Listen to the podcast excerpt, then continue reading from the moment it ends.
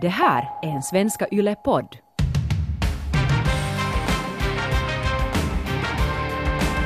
Våldet gör ju att man blir objekt i sitt liv, att man blir liksom offer. Men var finns de här utrymmena, stunderna, som jag liksom är liksom den som jag är? Jag är inte offer, utan jag är kvinnan, jag är mamma, jag är människa. Idag så ska vi tala om ett ämne som eh, inte är lätt att talas om, men som verkligen bör diskuteras och som har dykt upp väldigt mycket också i media, i kaffebordsdiskussioner, ja, mer eller mindre i alla forum faktiskt, nämligen det då man lever i en uh, relation där det förekommer någon typ av våld. Är det mm. sen uh, fysiskt våld, psykiskt våld, sexuellt våld eller annan typ av manipulation. Ja, och det här är ju tyvärr ett ämne som är aktuellt precis hela tiden men just nu de senaste veckorna har det ju blivit lite extra aktuellt i Sverige och i Svenskfinland för att många har sett den här SVT-dokumentären om sångerskan Josefin Nilsson som ju skulle ha fyllt 50 här alldeles nyligen men så gammal blev hon inte, hon blev 46 för hon dog ju då för några år sedan. Och uh, i den här dokumentären framgår det ju också att hon dog som en följd av eh, misshandel hon utsattes för för, för länge sedan alltså. Var det typ på 90-talet mm. när hon levde ihop med en man som misshandlade henne så svårt att efter sviterna av det här sen också antagligen var det som fick henne att dö helt för, för ung. Mm. Om det nu ska finnas liksom någon poäng i det här överhuvudtaget, ett så tragiskt öde, så är det att det i alla fall har tagits upp till diskussion väldigt mycket. Och man har också talat om, om eh, hur man egentligen ska straffa sådana här typer av brott. För den här mannen kom i alla fall undan med ett villko, en villkorlig fängelsedom sen sist och slutligen. Det är det som är så tragiskt att i det här fallet var det ju så att offret gjorde det som man ska göra. Eh, det som man säger åt folk att det är det du ska göra. Hon försökte ju ta sig ur den här relationen och hon anmälde honom och hon vittnade mot honom i rätten och allting. Och, och ändå också så, så blev han förvisso dömd men det kändes ju nu som att han kanske nu inte riktigt fick ett straff som stod i proportion till det han hade gjort. Mm. Och det är ju faktiskt så här nu då att, uh, nu har jag inte direkt statistik här, men varje år så blir ju många kvinnor ihjälslagna, här i Finland också. Det. Och det är många som lever i en sån här uh, verklighet. Och det är ju inte bara kvinnor som blir misshandlade heller, det finns också män som blir misshandlade av sina partner. Så det är ju inte bara, vi ska säga nu att det är bara män som gör det här, för det stämmer inte heller. Det finns många kvinnor som gör det. Och jag tror att för en man som blir utsatt för våld i sin parrelation så är det ännu svårare att säga någonting. För att jaha, vad då tar du stryk av en kvinna här, att vad är du för någon? Mes. Mm, mm. Och så där. Så att, att, eh, på det sättet tycker jag att det ändå är bra att den här uh, dokumentären kom och att det ändå diskuteras så pass mycket. Men just därför så vill vi ju lite haka på. Jag menar, det här är en podcast var vi brukar sitta och spralla ganska mycket och många relationsteman så att fast, fast de kan vara allvarliga och vi absolut tar alla de här ämnena vi tar upp på stort allvar så kan man ju komma ganska långt med att vi sitter här och diskuterar våra egna erfarenheter och våra kompisars erfarenheter och så här. Men det som var vår tanke när vi började den här relationspodden Norrena och Frans var ju den att om det blir för svårt för oss, då tar vi in någon som vet, en mm. expert. Ja, för, för jag kan åtminstone inte påstå mig vara sakkunnig i den här frågan på något vis. Och kanske lyckligtvis så. Jag har aldrig varit i en relation som har varit våldsam på något sätt överhuvudtaget. Och det har inte du heller. Nej, gudskelov. Man får ju vara, man får ju vara tacksam. Det är ju det hemska. Ja, men mm. det finns äh, väldigt många uh, som, som uh, har varit i sådana situationer och fortfarande är det. Mm. Och det är flera av er också som har skrivit in och, och berättat om era erfarenheter. Och, och det är hjärtskärande berättelser. Som sagt, eh, idag så ska vi tala då om våld i relationen. Och eh, eftersom vi nu inte är några sakkunniga i det här så har vi istället kallat in lite förstärkning till, mm. till podden den här veckan. Ja, och kanske vår förstärkning skulle få presentera sig själv. Ja, hej, jag heter Mikael Lindfors och jobbar som psykoterapeut. Och du har faktiskt nu läst igenom alla de brev som vi fick in till, till eh, relationspodden den här veckan när vi efterlyste berättelser om hotfulla förhållanden och våldsamma förhållanden. Har du någon sån all, allmän tanke efter att ha läst dem? Jo, ja, att de påminner ganska mycket om varandra. Det finns, finns mönster i, i flesta av dem som, som, som kan liksom relateras till varandra.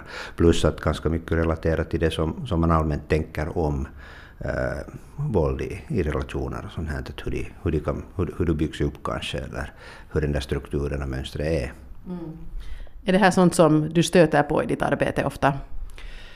Nå, inte kanske så ofta. Det är kanske just den här stora, eller den frågan som här finns.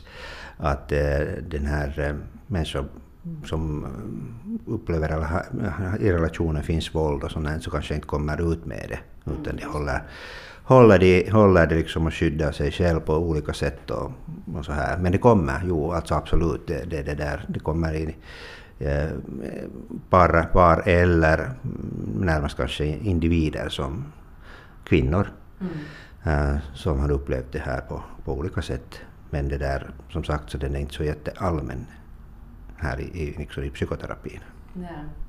Jag tänkte faktiskt börja här nu med att läsa ett av dem. Det här är ett brev som eh, signaturen Anonym26 har skrivit till oss. Min första pojkvän misshandlade mig både psykiskt och fysiskt. Allt började med ett psykiskt övertag. Jag gick med på att han fick alla mina lösenord och bankkoder.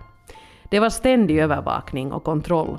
Men jag förstod inte att det han gjorde var fel. Det var mitt första ordentliga förhållande och jag var osäker.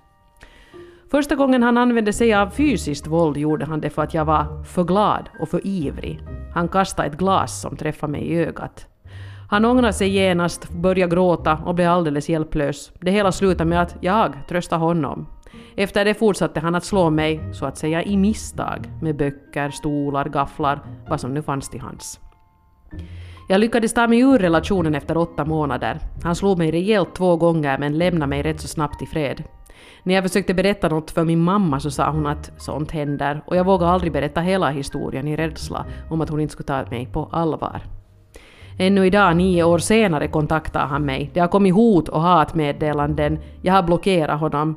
Men han hittar fortfarande sätt att påminna mig om sin existens.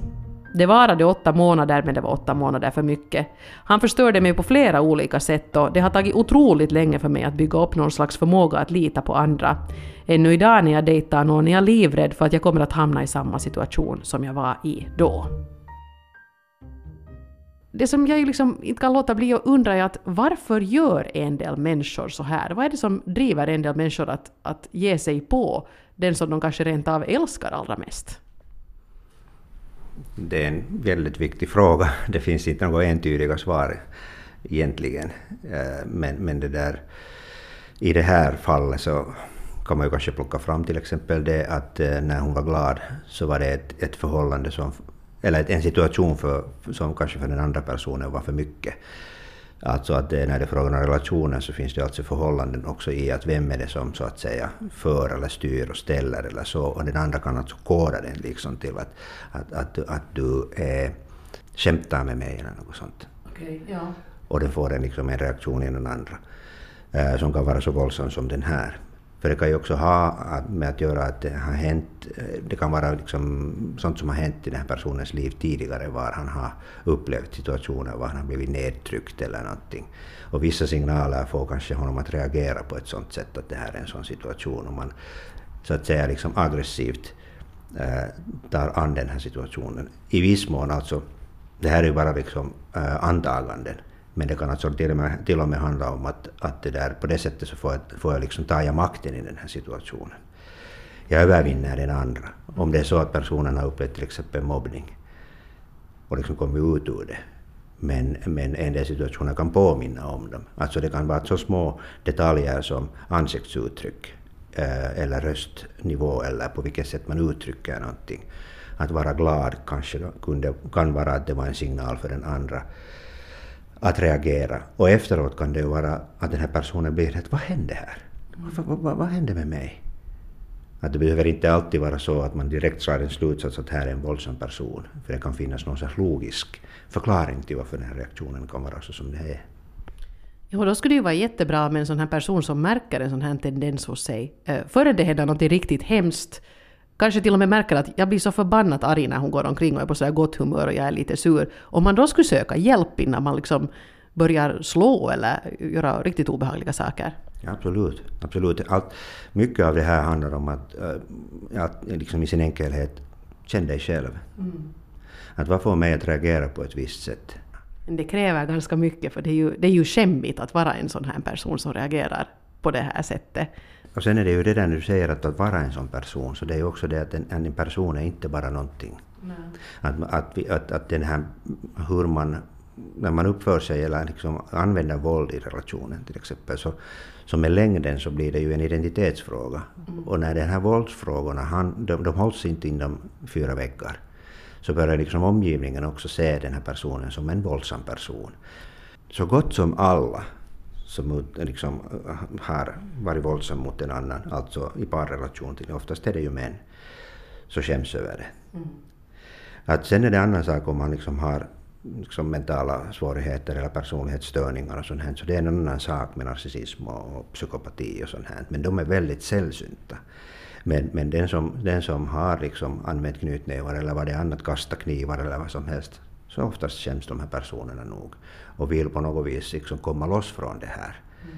Men den där, att komma loss eller vidare därifrån är inte alltid en enkel väg, för det finns också den här skammen som den som gör och den som har varit offer känner. Mm.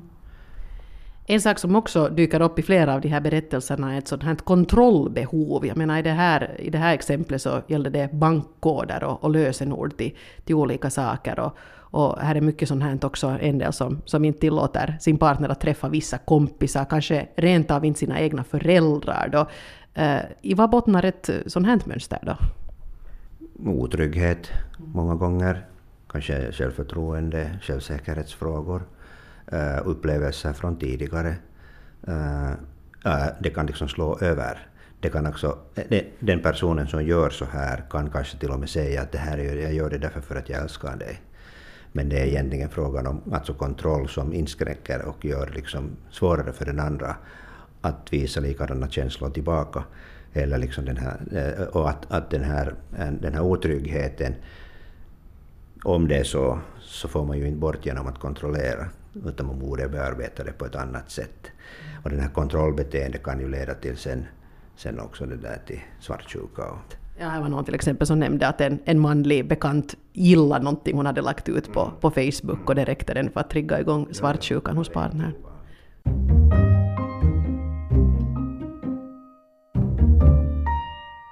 Jag var en stark, smart och förnuftig tjej. Mitt gymnasiebetyg var mycket bra och jag skulle fortsätta studera vid universitetet, men först skulle jag ta ett mellanår. Under det året träffade jag en kille som var några år äldre än jag. När jag blev gravid så var det direkt tal om att vi måste gifta oss. Att jag skulle studera, det var inte att tänka på. Han jobbade och min plats var hos honom. Dagen efter bröllopet visade han sitt riktiga jag och det eskalerade snabbt. Jag var hans och skulle alltid göra som han sa och vad han ville. Ganska snart var jag en skugga av mitt forna jag. Allt handlade om honom och hans behov. Orkade han inte jobbet så var det för att jag inte hade skött mig. Fick jag inte hälsa på mina föräldrar var det för att jag inte hade skött mig. Han misshandlade mig fysiskt, psykiskt och sexuellt i många år. Det sexuella var förnedrande, det fysiska gjorde ont, men det psykiska var värst. Dagligen blir jag påmind om att det är han och ingen annan som väljer om jag lever eller inte. Om han vill så kan han ta livet av mig och ingen skulle ifrågasätta det.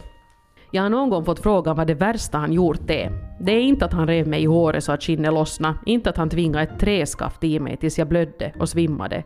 Utan det värsta han gjort mot mig är det han har gjort mot mina barn.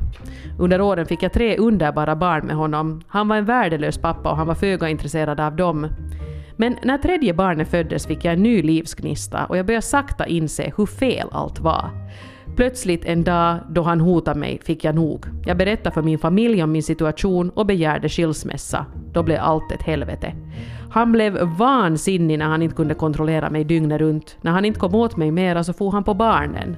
Polisen arbetade helhjärtat med vårt case men socialen och rättspraxis var ett skämt. Jag stod på mig och med barnen försökte vi skapa ett nytt tryggt liv. Tyvärr är det inte så lätt. Vi lider alla av det här traumat trots att det gått många år. Barnen som är unga vuxna nu har varit jätteduktiga och har kämpat bra. Men man glömmer aldrig.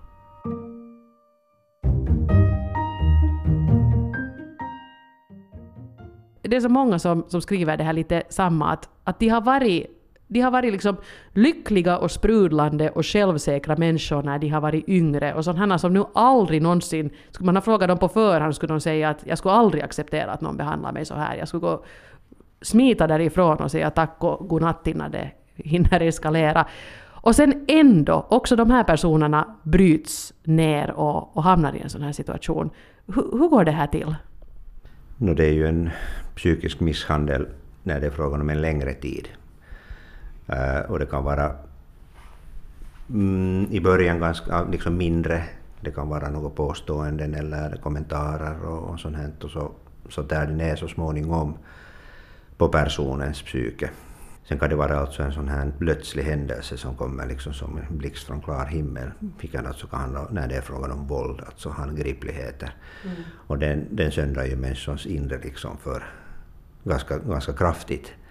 Och att det blir liksom frågor som man funderar på att, att det där, vad var det som hände och hur gick det så här? Och det, det är någonting som, som jag inte riktigt vet eller förstår liksom i människans psyke, att varför, varför psyket vänder liksom inåt om man vill säga så. Att man börjar tänka att är det någonting som jag har gjort här som, som har gått snett och är det mitt fel och, och det där. Och äh, ju liksom mera man på något vis äh, blir passiv eller så, så desto mera får den andra våld, och, och, eller vad heter det, makt. Och den vägen så, så det där kanske också, också trycker ner på, på lär sig liksom att trycka ner och kommentera på ett visst sätt för att den märker att den andra blir tyst. Mm. Liksom i sällskap till exempel. Och så här. Att det är liksom en längre process som pågår och det psykiska liksom självförtroende och självsäkerhet och de här så små, småningom liksom vittras sönder eller, eller, eller så. Så att det där det, det att utgångsläge, utgångsläge kan vara nästan vad som helst så, så en längre psykisk liksom, våld eller knytnävar eller sparkar gör ju att människans liksom, inre, inre så småningom vittras sönder. Och sen, sen det där, men det som kan vara liksom den här när man har varit liksom självsäker och, och, och, allt det här, att det finns ju kvar där i någon mån. Den kan vara mindre och skörare men den finns kvar för att den här personen skriver ju om att sen blev det liksom nog. Mm. Och de här har jag också liksom sett och hört i, i, i terapierna, att människor säger att sen blev det bara liksom att det blev liksom en stund som jag insåg att det här är helt fel. Och den där stunden handlar om några minuter. Men den där stunden kan leda till att jag packar mina väskor, tar ungarna och går till, åker till skyddshem eller något annat. Kanske en trösterik tanke på något sätt om någon nu lyssnar på det här och känner sig lite träffad av det här att jag jag är ju inte mera den person som jag var när jag var, var ung och, och, och, glad och nöjd, men, men man kan kanske komma tillbaka till det.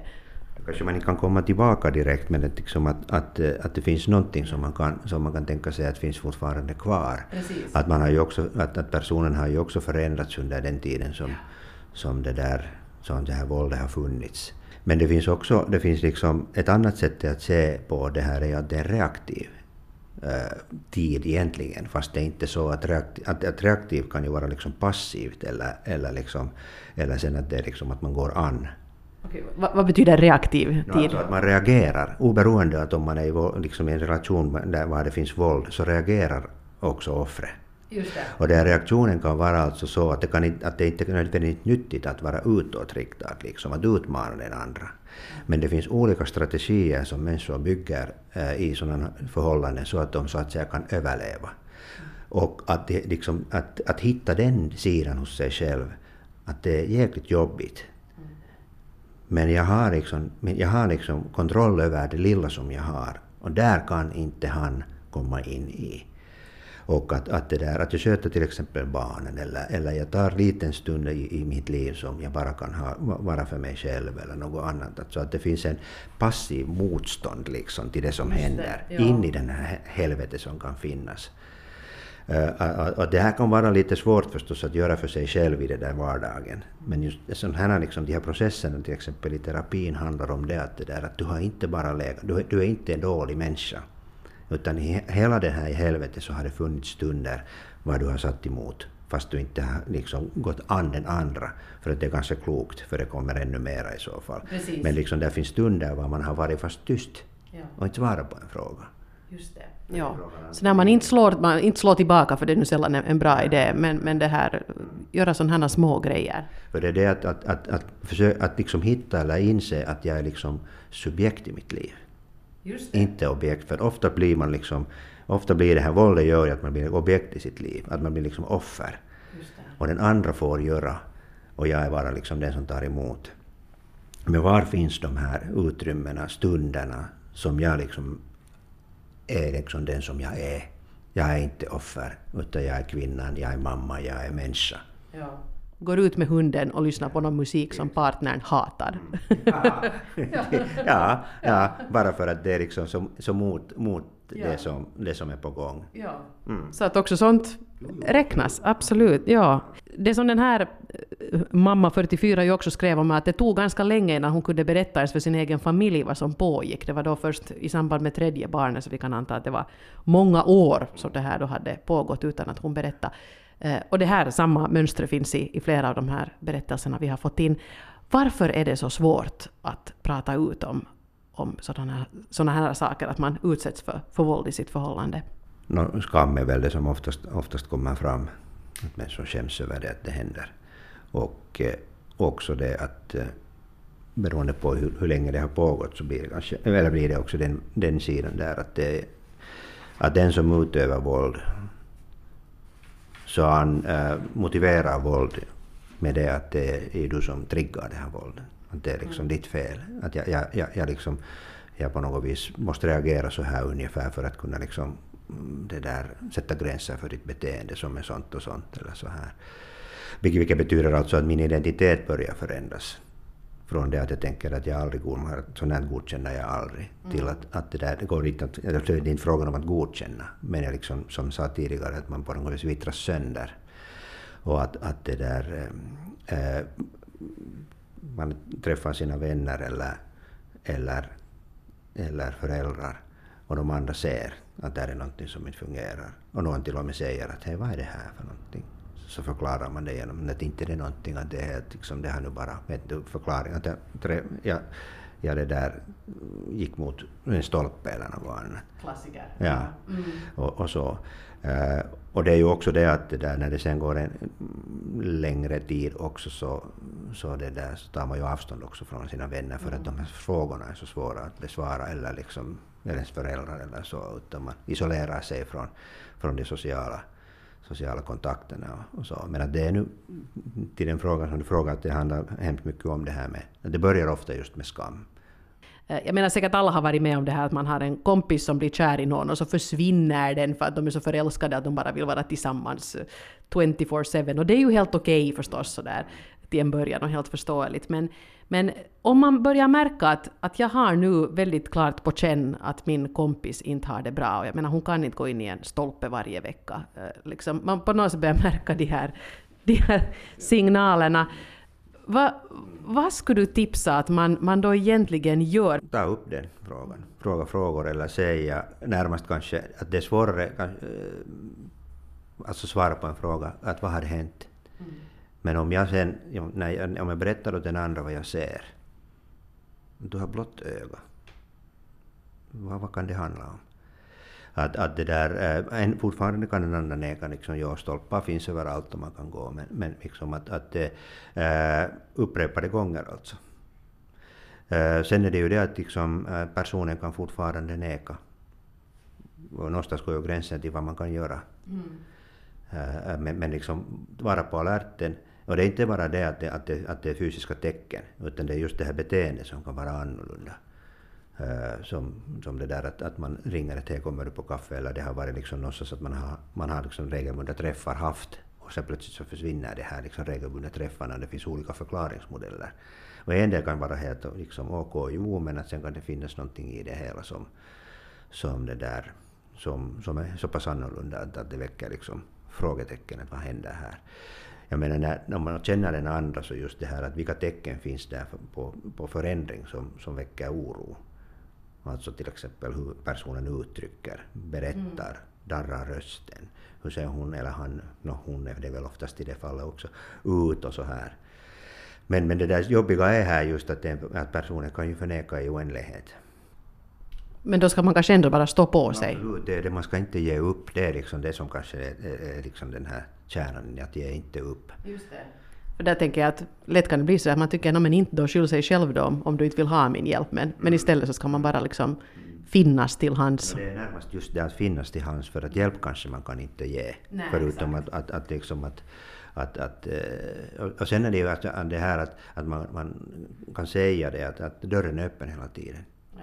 Att påpeka påminna den andra om att, att det där, om det är någonting du vill prata om, om du behöver hjälp, om du behöver stöd, kom ihåg att, du kan ringa när som helst åt mig eller sätta mig eller vad som helst. Mm. Jättebra, för jag tänker mig att den som är offer i den här situationen kan ju få den där bilden av att men jag har ju helt ignorerat mina vänner och hållit mig borta nu här. Så vad skulle de numera Ida ställa upp för mig? Men då, om det kommer de här påminnelserna så kanske man faktiskt vågar tro på det. Det är ju liksom jobbigt och, och, väldigt tråkigt att det finns barn till exempel i, som, som upplever det här våldet och finns med i den här familjen. Men de är ofta ankare också till att, att hållas liksom på ytan och kanske ankare i botten, men kanske man har liksom, någon boj som man liksom inte kan flyta med. För det finns meningen med livet. Och här är också en ganska stor liksom, knutpunkt, eller en, en, en viktig fråga som man borde hitta eller fråga sig själv. Vad är meningen med mitt liv? Vad är meningsfullt i mitt liv? Och barn är ofta sådana som, som gör mm. att man liksom kan märka att jag gör inte det här för min skull, att jag går. Men det är huvudsaken att barnet eller barnen har det bra eller bättre. Exakt. Och då packar jag ihop och då åker jag iväg. Ja. Eller som en del skrev, liksom, som de hade sagt att nu åker du iväg. Ja, det var ju det ganska ja. strångt det där. Ja, liksom. faktiskt. Tog dit en, en riktigt bestämd väninna och så ja. sa hon till karln att nu, nu flyttar du. Det är inte alltid så där att, liksom, att okej, okay, efter det att man har gått iväg därifrån så blir det bra. För det finns ju också de här att, att, eh, att det där ringer efter eller skickar meddelanden och på något sätt liksom trakasserar eh, fortfarande. Så att det där, eh, och det, det, det jobbiga också psykologiskt är ju det att man blir påmind om det som har hänt trots att det har gått år från det att det hände. Och, och, och det här är just den här liksom, um, hur jag liksom bearbetar mitt, mitt inre, mitt psykologiska jag liksom från offer till, till liksom någon som har kunnat överleva den här situationen till en person som, som kan blomstra i sitt liv. Och de här liksom olika rollerna så, så har en liten olika, liksom olika, att man liksom ser och upplever sig själv och sitt liv på olika sätt. Att offret är ju just direkt in i det stadiet, eller det är just vad det händer och sker. Medan någon som har överlevt så liksom har kommit vidare men kanske fortfarande säger att, så att jag har jättesvårt med relationer och aldrig män till mitt liv mera därför att det har hänt i mitt liv det här och det här och det här. Och det är helt OK i och för sig, men det inskränker nog också livet liksom till att, det, att, att, det där, att vissa bitar hör inte till mitt liv, och vill inte ha det. Medan liksom den personen som, som så att säga kommer ytterligare liksom vidare i den här processen till någonting som man skulle kunna kanske kalla när man blomstrar, mm, mm. så kan liksom, vet, liksom kommer ihåg att det har hänt, men den finns där i historien i det skede var den har, har funnits och idag har jag det helt okej. Okay. Och det är möjligt att bli en blomstrare i, också efter en sån här erfarenhet? Jo. Um, nu tänker jag mig att i också helt sunda relationer så, så uppstår, eller jag menar, det, det pågår dispyter och lite konflikter och man kanske ibland säger riktigt fult också någon gång till den man lever ihop med. Uh, och det är ju det som gör att, att det är ju så svårt att veta när den här gränsen har överskridits. Uh, och när i frågan om fysiskt våld är det kanske tydligare. Att liksom när, när det gör ont fysiskt så, så då är det ju inte okej okay mera. Men vad skulle du annars säga, uh, när tycker du att man ska, skulle kunna börja reagera i en relation? Att nu, nu börjar det här liksom kännas på riktigt olustigt. Kanske det är just det som du säger. Ja. När den tanken kommer att det här är någonting som inte riktigt stämmer eller någonting som är olustigt. Som är mera än bara gräl eh, som har funnits tidigare. Eller någonting. Det är ju det förstås att det här, många gånger alltså de här liksom, våld i, i, i relationerna är sånt som, som det finns tecken på redan tidigare. Mm. Att det är inte nödvändigtvis gräl utan det finns just det här, det här, det här, det här kontrollerande och, och sånt. Uh, och, och, och liksom de här kontrollerande och, och, och, den här sortens beteende så kan människor liksom på något vis bortförklara. Mm. Det är inte så där att oj, men det är ju liksom frågan, alltså den andra kan säga att jag älskar dig så mycket att jag vill komma mm. efter dig. Ja, det är lätt att missa om man är jättekär. Tycker man att det är nu bara gulligt. ja, i det skedet, men sen ja. när det börjar bli olustigt. Ja. Att man inte, inte får gå och träffa någon eller så här. Så då det där, äh, borde man reagera. Det jag ännu måste fråga dig, jag menar en, en klassiker som lyfts upp mycket i de här berättelserna också är att efter det där första slaget så bad han om ursäkt och sa att det här ska aldrig hända på nytt, men så tycks det ju alltid hända på nytt. Kan en våldsam person sluta vara våldsam sådär helt av sig själv? Eller, eller kommer det att hänga i livet ut? Ja, det kommer att hänga i livet, livet ut om inte en person gör någonting åt det. Mm. att det vet vi ju vi vet att undersökningarna har, har kunnat påvisa att, att om, om, man inte sätter stopp på det här beteendet så finns det, finns det en stor risk, eller det är inte en risk utan det, det, det liksom tenderar till att öka.